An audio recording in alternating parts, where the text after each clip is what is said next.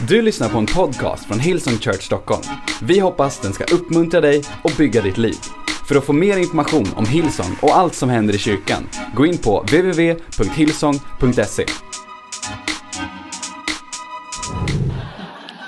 så skulle jag vilja be dig följa med till första krönikeboken. Kapitel 4, vers 10. Om du vill ha en titel på den här predikan så heter den så här. Sluta be Gud göra det han redan gör och hjälp honom. Vi karismatiska kristna och ni lite för karismatiska människor om du finns här. Vi älskar att be Gud göra alla möjliga saker. Väckelse är en sån sak vi älskar att be Gud om. Och det är i sig inget fel att be om väckelse. Det är bara det att de flesta av oss inser inte att väckelse har väldigt lite att göra med de som inte tror och allting att göra med de sovande troende. Och jag är för väckelse, därför att det behövs massa troende som vaknar upp och inser vem de är i Kristus och vad Gud har kallat oss till att göra. Jag är för att, eller för, men det är bra att be om att det ska regna och blåsa och rulla och, och som en boll kommer ut tillbaks till mig. Alltihop det här.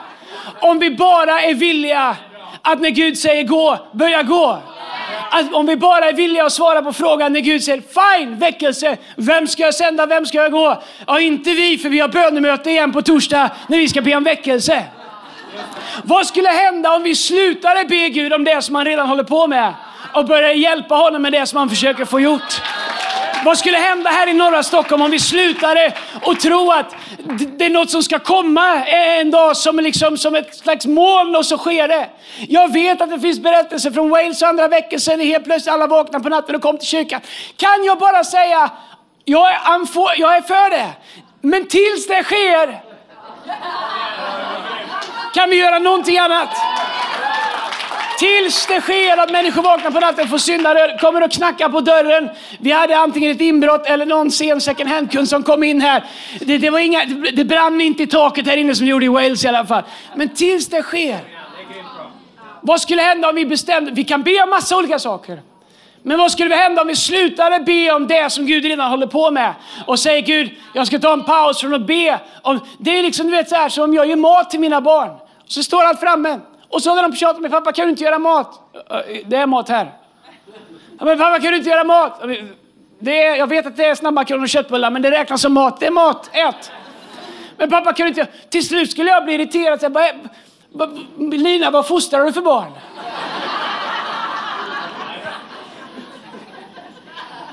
vad skulle hända om vi bestämde oss för att bli det vi ber Gud göra? I våra liv och i norra Stockholm. Jag, första krönikboken kapitel 4, vers 10 står det så här. My God, jag har mycket att predika om och kort om tid, så håll i er. Eh, och jag är bara generellt laddad idag, för idag är en historisk dag. Och vet du vad? Jag vill att du bara ska bestämma dig för att det bästa Gud gör, det sker inte bara för att göra en ny eh, teater. Vi är en kropp, vi är en kyrka på två ställen, på sikt på ännu fler ställen, men det återkommer jag till i höst. Men vi är en kyrka, allt som Gud gör, det gör vi tillsammans, eller hur? Jabes ropade till Israels Gud och sa, O att du ville välsigna mig och utvidga mitt område och låta din hand vara med mig. Och att du ville göra så jag slipper olycka och smärta. Och Gud lät det ske. Som han bad om. måste börja med större text, jag trodde 14 skulle räcka. Och Gud lät det ske som han bad om. Så jag vill be, åh att du ville välsigna mig och utvidga mitt område. Men vem vill inte be den bönen? Åh Gud att du ville välsigna mig och utvidga mitt område. Kan jag säga vad som händer när saker blir utvidgade? Det innebär att de tas från en konstant eh, situation och så sträcks de till någonting som är större än vad det var innan. Jag pratar om stretch marks, okej? Okay? Jag pratar om pain. Jag pratar om okomfortabel situation. När saker sträcks från det de är till det vi vill att de ska bli. De flesta av oss när vi hör i Bibeln, åh att du vill utvidga mitt område. Gud säger absolut. Vart kan jag dra någonstans? Det är liksom som att han tar tag i sidfläsket på oss och säger, kan jag dra häråt? nu gör han inte det, så det behöver du inte vara orolig för. Men med all välsignelse så kommer alltid en kostnad och ett pris och någon form av uh, uncomfort, okomfort. De flesta av oss vi är för välsignelsen och utvidgandet ända till okomforten klickar in. Det är enkelt att säga, här är jag, sänd mig, ända till Gud sänder oss. Nej men inte dit. Jag, jag hade tänkt mig Inte till Nepal. Kan inte få åka till New York. Min fru säger Andreas, kan vi inte åka till Afrika? Jag säger babe, det är mer ofrälsta i New York än vad det är. Det är så missionerat i Afrika nu för, nu för tiden så att det är mer ofrälsta i USA älskling. Kan vi inte åka till USA? Och hon tjatar om att vi ska åka till, till Afrika. Och det är väl bra att åka till Afrika. Men det är enkelt så här, här är jag sänd mig tills Gud börjar sända oss.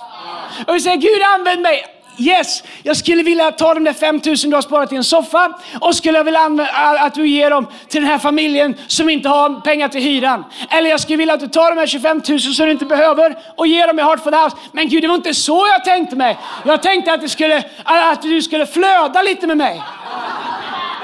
Och då säger Gud, jag vill flöda. Kan du flöda de 5000 dit? Vad skulle hända om vi slutade be Gud göra det han redan gör? Och började hjälpa honom att göra det han gör. Vi skulle se väckelse. Inte bara den väckelsen som handlar om liksom att liksom, nu rullar vi lite åt höger, för de sista åren har vi rullat åt vänster. Utan det som Bibeln säger, hos var och en uppträder den helige Ande så att den blir till nytta. Den helige Ande bor i dig, men guess what? Han vill ut. Och han vill göra saker. Och han behöver inte att du blir färdig. Hur kan vi se Gud utvidga vårt område? Ytterst sett handlar det om att låta Gud göra oss mer lika Jesus. Och det är det jag vill prata med dig en liten stund om. Vägen till att se Gud utvidga vårt område är att låta honom göra oss mer lika Jesus. Så fort man säger det så får man lite gamnacke om man tänker liksom, och det är en bit kvar. Och även när jag ser över det här rummet inser jag att jag är bland vänner. Och ju närmare första dagen jag tittar, ju värre blir det.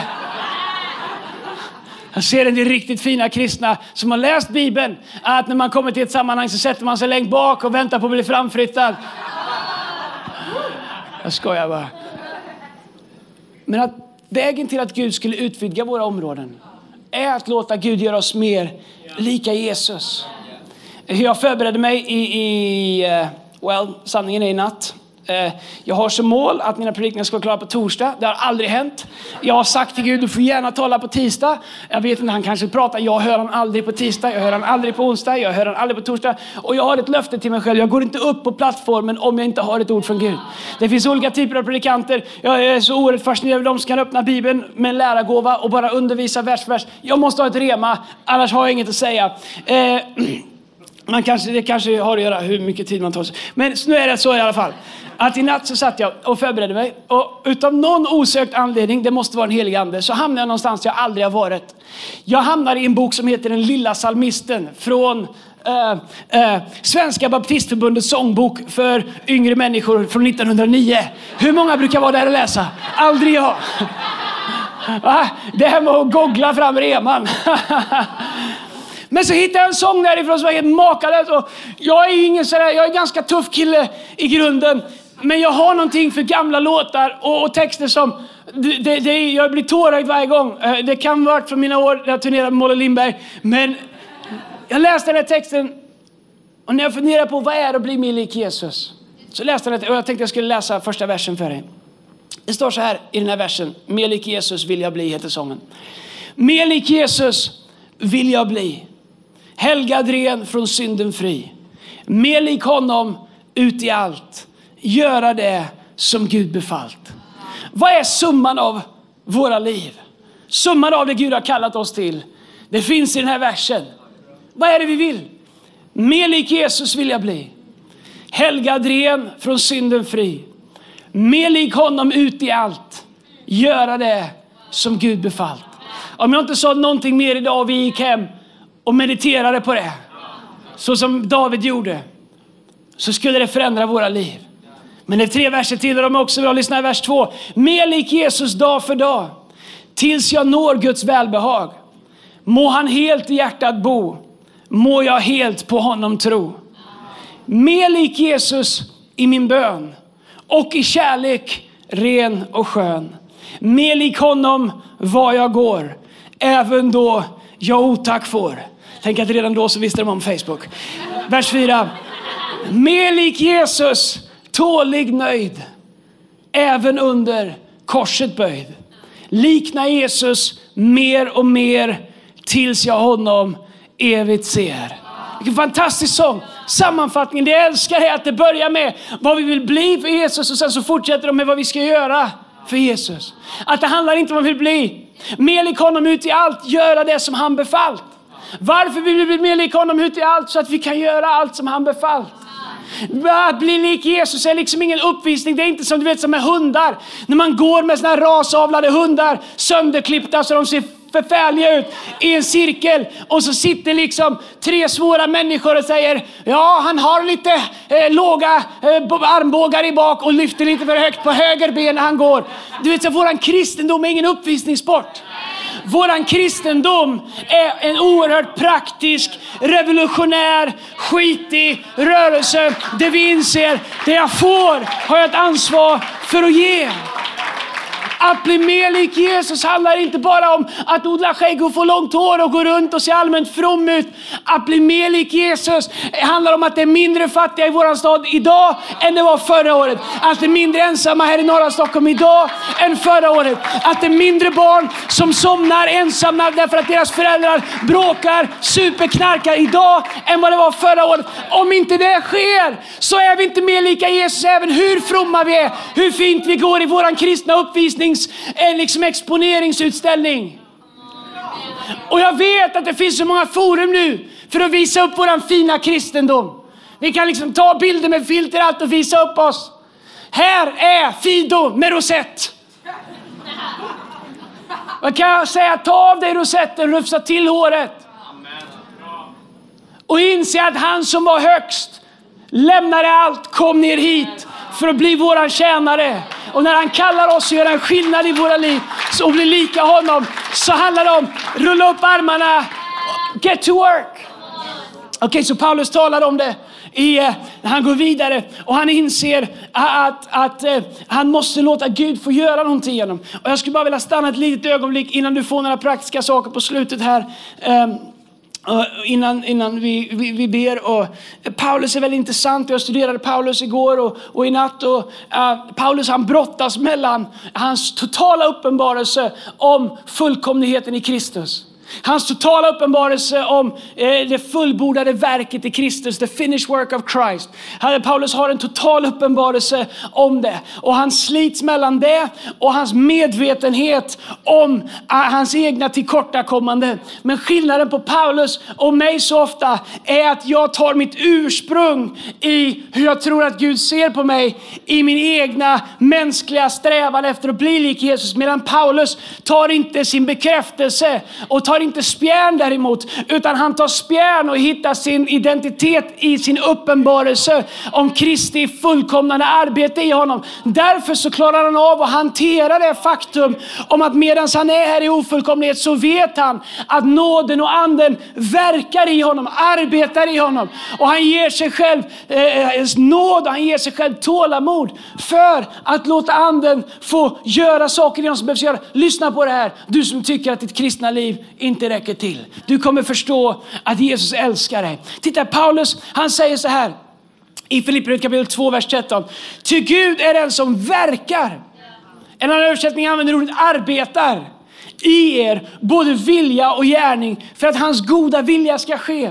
Vet du att Gud arbetar i dig även när du inte ser det? Anden verkar i våra liv.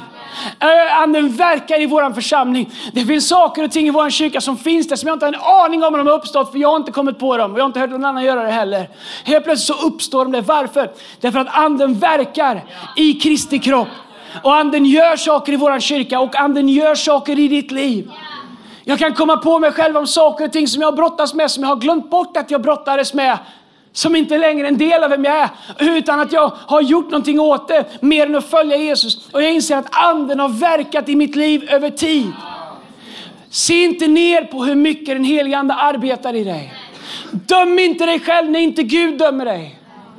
Gud dömer inte dig. Han arbetar i dig. Anden dömer inte dig, anden verkar i dig. Han säger idag är en ny dag, idag ska vi göra lite till.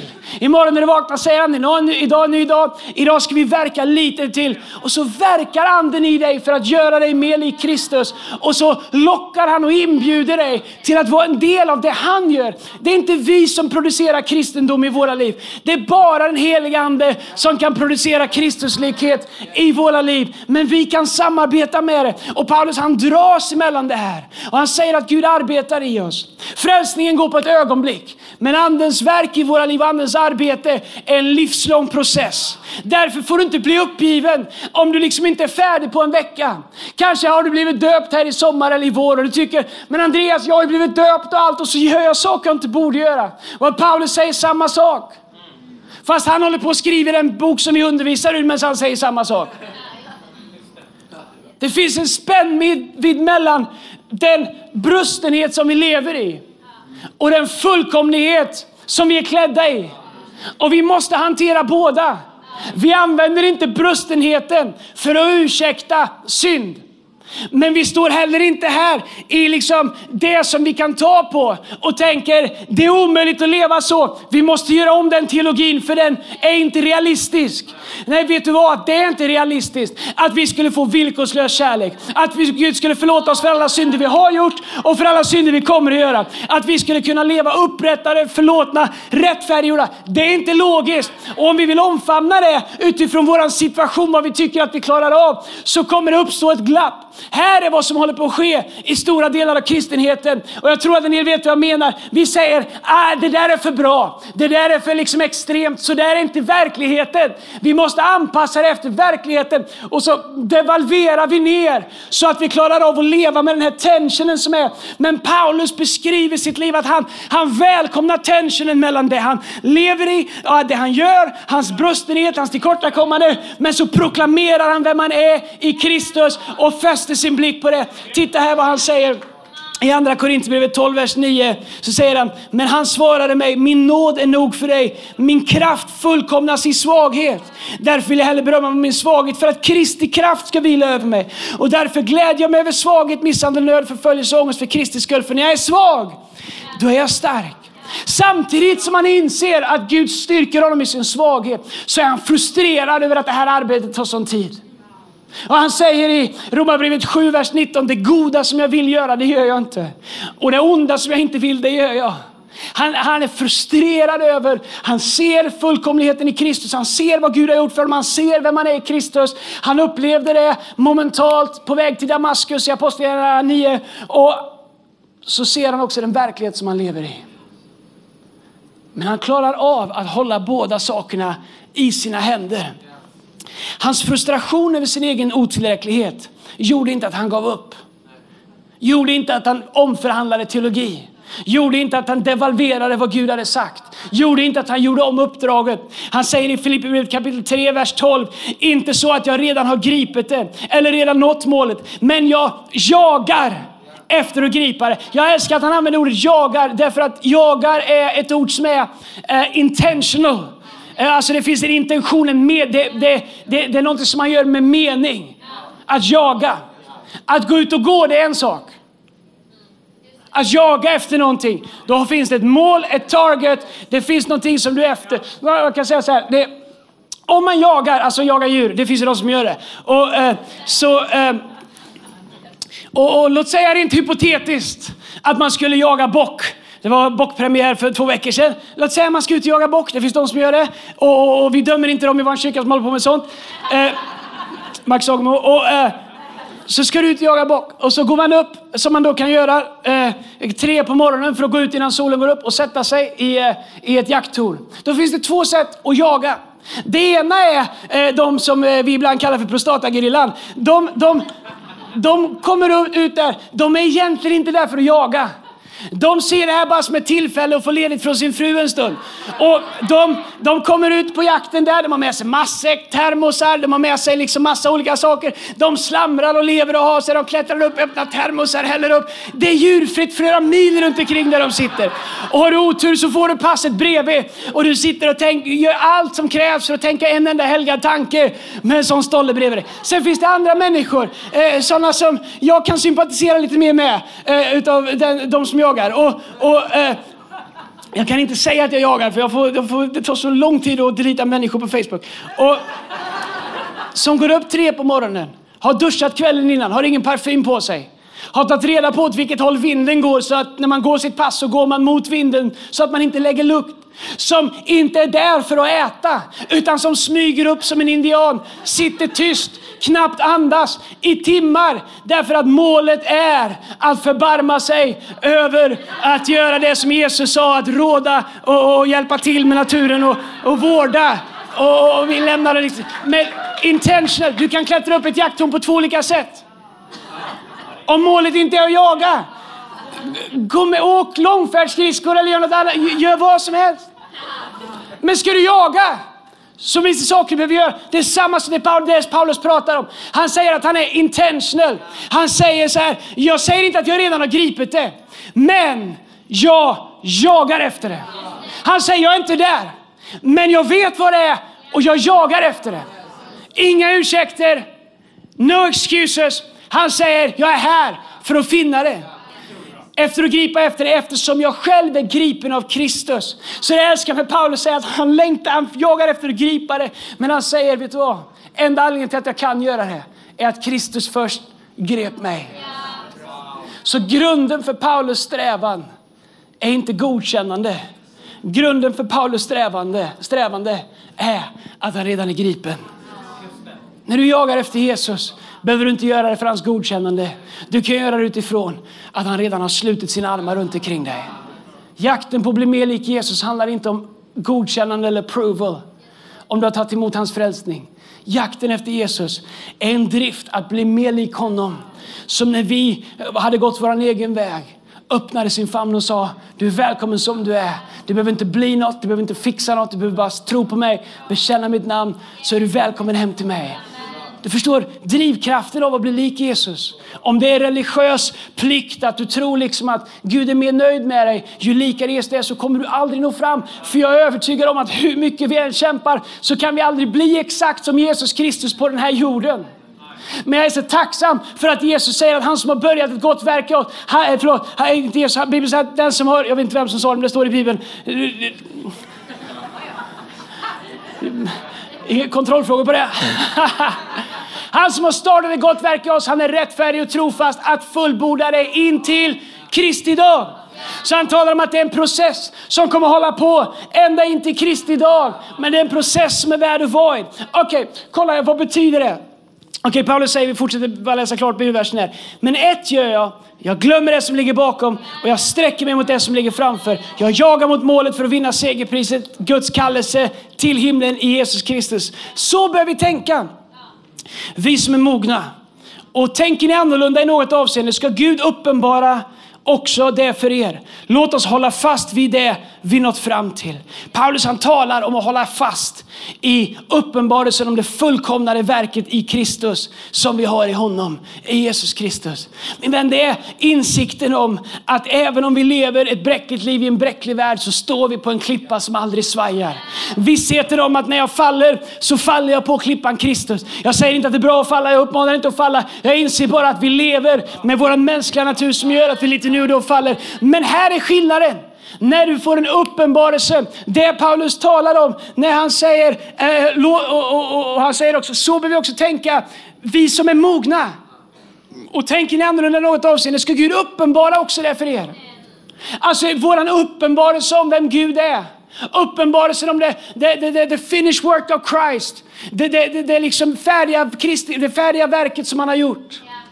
Så kan Gud uppenbara för dig. När Gud uppenbarar det för dig kommer du inse att när du faller så faller du på klippan Kristus. Det gör att när du faller så faller du inte ner i ett avgrunds, liksom ett bottenlöst hål. Djävulen kommer säga nu är du tillbaks på ruta ett. Jesus säger nu föll du på klippan igen och klippan höll även denna gången. Den rättfärdige faller sju gånger men reser sig ändå upp. Äh, om jag faller så är det inte för att jag är liksom borta ifrån Gud. Det är för att jag inte är färdig i vem Gud säger att jag är. Men jag håller blicken fäst på Jesus, trons fullkomnade upphovsman. Jag löper för att vinna. Jag löper med målet i sikte. För jag har en uppenbarelse om the finished work of Christ.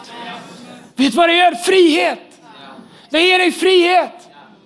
Det är inte så liksom att du, Åh, nu ramlar jag av klippan här. Det säger han böjde sig ner i den djupa din. Han lyfte mig upp. Han satte mina fötter på en klippa. Det är liksom inte att Gud står som en jojo och lyfter dig upp och ner och klipper hela dagarna. Du faller på Kristus. Om du har en uppenbarelse om vem du är i Kristus. Det gör att när du faller kan han resa dig upp så behöver du åtminstone inte falla på det området mer. Och så har anden fått verka i dig. Och så har nåden fått arbeta i dig. Och så, så blir du mer och mer lik honom. Men låt mig säga vilka som faller. Det är inte de som står still. Jag har upptäckt att det enklaste att falla är de som försöker röra sig framåt. För att man går på vägar man aldrig har gått innan. Man gör saker man aldrig har gjort innan. Det vore ju superenkelt att spela safe. Det vore ju superenkelt att bara säga äh, vi har nio veckor här, vi inte har någon lokal i city. Äh, vi tar ett break, vi kör husgrupper, hemgrupper, vi fikar, vi gör liksom... Och Gud behöver ingen byggnad, vi kan mötas kring ordet och bordet och alla religiösa ord vi har och sitta här och läsa svåra salmer för varandra. Och, och om Gud vill så finns kyrkan kvar. Well, det står still! Eller så kan vi säga Gud, uncharted waters, okänt territorium. Men Gud, vi kanske gör fel, men vi kanske gör rätt. Vet du vem som faller? Den som är ute och går och försöker följa Jesus. All right, så vi pratar om att utvidga vårt liv genom att bli mer lika Jesus. Genom en uppenbarelse om Kristi fullkomnare verk i oss. En uppenbarelse om att hans nåd är oss nog. När vi är positionerade i nåden. När Paulus positionerar sig i nåden efter mötet med, med Gud på vägen till Damaskus. Så positionerade han sig i nåden. Och fick en helt, anden verkade inte i honom innan han positionerade sig i nåden. Men från det ögonblick han positionerade sig i Guds nåd så började anden verka i Paulus. Och Paulus blev annorlunda. Vet du vad? Du, vi, vi, måste ge den heliga ande samma möjlighet att arbeta i oss som vi gav djävulen att göra innan vi tog emot Jesus i våra liv. Om han har fått år av att härja i våra liv, fått oss att leva på olika sätt sätt. Och kanske lever du trasig från relationer, du har haft sex massa olika människor och liksom inte committat dig som Gud har sagt i, i ett förbund och, och det har skapat saker. Ge anden lite tid. Du gav ju världen tid. Du måste ge Gud tid. Döm inte dig själv för hårt. Du har varit född tre veckor och allt är inte annorlunda. Ge Gud tid. Han kommer att jobba i dig. Men bestäm dig för att fortsätta utvidga ditt område. Okej, okay, så här. Jesaja säger att ser jag något nytt Redan nu sker det, märker ni inte det? Pastor Brian predikar en fantastisk predikan på vår Vision Sunday om New Roads and New Rivers. Och det är ett av de absolut bästa sakerna jag har hört i hela mitt liv. Och faktum är att vi, är, vi, vi står i en situation där vi i höst skulle kunna stå inför nya roads och nya rivers.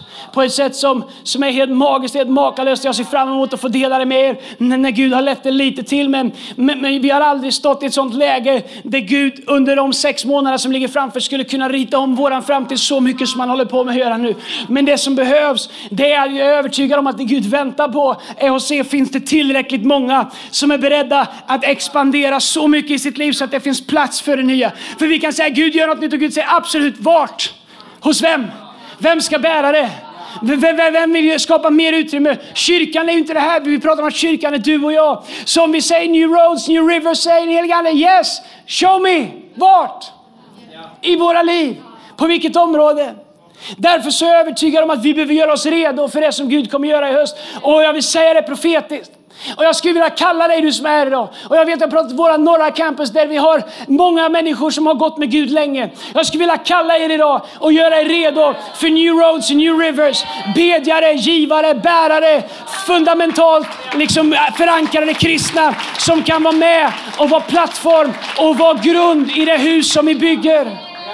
Därför att Gud kallar oss att ta nya steg. Och därför skulle jag vilja ge er tre utmaningar idag snabbt på slutet här. Gör dig redo för det Gud kommer göra. Jag skulle vilja utmana dig att göra tre saker. Nummer ett, gräv upp de gamla brunnarna. Det talas om i Bibeln hur man grävde upp Abrahams gamla brunnar. De som en gång hade gett vatten grävde man upp så att de på nytt gav vatten. Vattnet fanns där hela tiden, men de hade låtit dem slamma igen. När, när vattnet kom upp så var det inte bara vatten för den som grävde upp den, utan för alla runt omkring. Vatten var ett tecken på att den liksom samhället som byggdes runt brunnen kunde leva. Man fick vatten i öknen. Vet du vad? Jag vill utmana dig, du som är här. Gräv upp gamla brunnar om det är så att de har slammat igen. Jag säger inte med fördömelse, jag tänker inte på någon. Jag säger bara, jag är övertygad om att du som jag har brunnar i mitt liv där jag behöver gå till Gud och säga, Gud den här brunnen, den har potential att ge mer vatten. Jag vill gräva upp den här brunnen. Jag vill att den ska pola mer.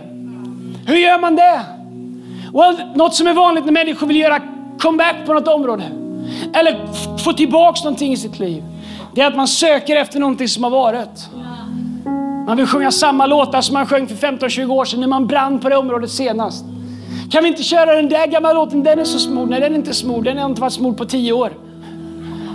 Den var bara viktig för dig där och då.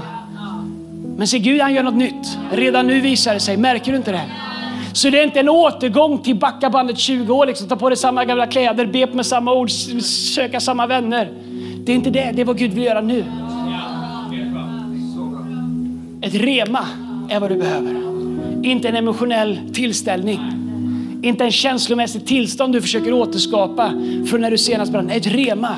Jesus säger i Matteus 4 och 4 så säger han, det står skrivet, människan lever inte bara av bröd utan av varje ord som utgår från Guds mun. Får jag fråga dig, lever du i och lever du av ett tilltal från Gud? Vet att du kan få förmånen, Gud har gjort det möjligt för dig att bygga ditt liv på ett rema, på ett tilltal från Gud. Och när allting svajar så säger du, det spelar ingen roll, för tilltalet jag har är tillräckligt starkt att stå på. Och om allt svajar så svajar inte det här remat. Därför att det Gud har sagt, det gör Gud. Det Gud har startat, det avslutar han. Han står för sitt ord, han fullbordar sitt ord, han äger sitt ord också i oss. Därför behöver vi leva våra liv utifrån ett rema. Det andra rådet jag skulle vilja ge dig är, ge dig till rätt klunga. Alltså my God, vad mycket det gör att springa med rätt människor. Kanske är det bara så att det skulle skapa revolution i ditt liv. Att byta dem du springer med. Ställa dig frågan, de jag springer med, är de på väg dit jag ska? Eller är jag bara en klunga jag har hamnat i? Eller är jag själv ute och irrar? Kristna livet är ingen orientering där du ska försöka hitta fram till saker. Absolut inte. Kristna livet är en vandring tillsammans med de troende. Och jag förstår djävulen att han försöker isolera oss och tro att det är en sprint, ett 100 meters lopp och, oh, att det är en orientering. Men vet du vad? Det är inte vad det är. Det är ett maratonlopp. Det är de som håller samman, som tar sig över mållinjen. Det är mycket enklare att springa tillsammans med andra. Vad har du för människor i ditt liv? Vilken klunga har du gett dig? Kan jag få utmana dig, du som är här, som kanske inte fullt ut har gett dig till, till kyrkan, till Hillsong. Om det här känns hemma för dig. Om det inte gör det så hitta någonstans där du känner dig hemma. Men om det här känns hemma.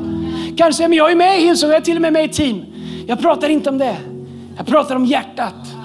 Inte, jag pratar inte om liksom, din relation till mig, jag pratar om din relation till det Gud gör här. Att ge dig till det. Hur ger man sig till kyrkan? Man ger sitt hjärta till det. Man blir en givare. Man blir en ägare. Vad säger Bibeln psalm 2, vers 13? Den som är planterad i Guds hus kommer alltid att blomstra. Min vän, spring med rätt människor. Bestäm dig för att ge dig till rätt klunga. Kanske är det dags att bara släppa stav, stavgångsgänget och börja vara med de som är på väg någonstans. Jag har inget emot stavgångsmänniskor för övrigt. Come on, någon behöver gå all in den här hösten. Bibeln säger att en fördriver tusen, två fördriver tiotusen. Vi behöver dig utrustad med ett rema, men uppenbarelse om vem du är i Kristus, så behöver vi dig och vi tror att du är en gåva till den här kyrkan. Det tredje och sista jag skulle vilja utmana er att göra, det är att sluta be Gud göra det han redan gör och börja hjälpa honom med det han försöker få gjort. Andra Korinthierbrevet kapitel 16, vers 9 så står det till Herrens ögon överför hela jorden för att han med kraft ska hjälpa dem. En annan översättning säger bistå de som med sina hjärtan ger sig hän åt honom. Gud letar efter människor som redan ger sig hän till honom, som är involverade i det han gör, som han kan ge sin kraft till. Jag tror att vi har en övertro. Jag, lyssna, jag är inte emot bön, vi ska börja be mycket mer här. Vi både ber och vi gör. Det är inte antingen eller, jag vill bara understryka det. Men lyssna här. Gud letar efter dem som han kan bistå med sin kraft. Varför skulle Gud ge kraft till någon som inte behöver det? Alltså letar Gud efter att ge kraft till någon som redan tjänar honom. Någon som är upptagen med att göra någonting för hans rike. Vill du ha mer av Gud? Börja göra någonting. Du behöver inte vänta tills du har allt du behöver. Bestäm dig bara för att göra någonting med det du har. Lukas 10.2 så säger, så säger Jesus, han sa till dem, skörden är stor, men arbetarna är få. Be därför skördens Herre att han kommer som en vind, att han kommer som ett mål. Nej, alltså, be därför skördens Herre att han skickar ut arbetare till sin skörd. Så Jesus letar inte efter väckelse. Jesus letar efter arbetare. Du kommer alltid leva i expansion i ditt liv när du, när du tjänar Jesus. När ditt mål är att bli mer lik honom. När du inte ger upp för att du ser din egen brist utan ännu mer fokuserar på det fullkomliga arbetet som Kristus har gjort i ditt liv. Den fullkomliga rättfärdiggörelsen som han har gjort dig, att du är fri, förlåten, rättfärdiggjord i Guds ögon genom Kristus Jesus, inte genom din egen prestation. Men när du bestämmer dig för att bli mer lik Jesus, när du bestämmer dig för att bli användbar för Jesus, när du bestämmer dig för att mönstra in och säga här är jag, sänd mig. När du bestämmer dig för att vara en del av svaret, inte bara en del av längtan. När du börjar bli bönesvaret på det som Jesus vill att vi ska be om, nämligen arbetare till skörden. Min vän, det är ju bara att ta bilen och åka ett varv här i norra Stockholm ser du att det är ju inga problem att hitta vision eller saker att fylla fattiga och ge mat, nakna och klä. Det är det minsta problemet. Men vem ska han sända och vem ska han gå? Min vän, den här hösten när jag säger new roads, new rivers så menar jag på allvar att jag tror att Gud kommer använda oss som kyrka den här hösten för att sätta sitt namn ännu tydligare i Stockholm. Jag, är, jag, jag har en sån frustration på insidan över hur marginaliserad Jesus är. Jag är det är bra med alla kampanjer om kors och allting och debatter och allt som är. Men du vet, det finns ett namn. Så när man bara säger det namnet så fylls varje rum av kärlek, av nåd, av frid, av förlåtelse. Vi bär på svaret till det som alla människor letar efter. Det svaret är inte gjort för att vara här inne. Det är gjort för att bäras med till våra arbetsplatser, till våra skolor, till våra hem, till våran vardag, till våra gator. Överallt. Vi är bärare, vi är arbetare. Vi behöver inte bli färdiga, men när vi förstår vem vi är i Kristus Jesus, när vi tar emot hans nåd och låter anden verka, även om det tar längre tid än vad vi vill i våra liv. Och när vi hänger oss i våra hjärtan till honom så kommer han ge oss kraft och göra det han har kallat till. Kom on, gräv upp dina brunnar. Bestäm dig för att plantera dig i kyrkan. Sluta be Gud göra det han redan försöker göra och börja hjälpa honom att göra det han har kallat oss till att göra. I Jesu namn. Kom on, kan vi stå upp? Får jag be tillsammans? Låtsasteamet kan komma fram. Du har lyssnat till en podcast från Hillsong Church Stockholm. Om du vill veta mer om vår kyrka eller om våra söndagsmöten, surfa in på www.hillsong.se.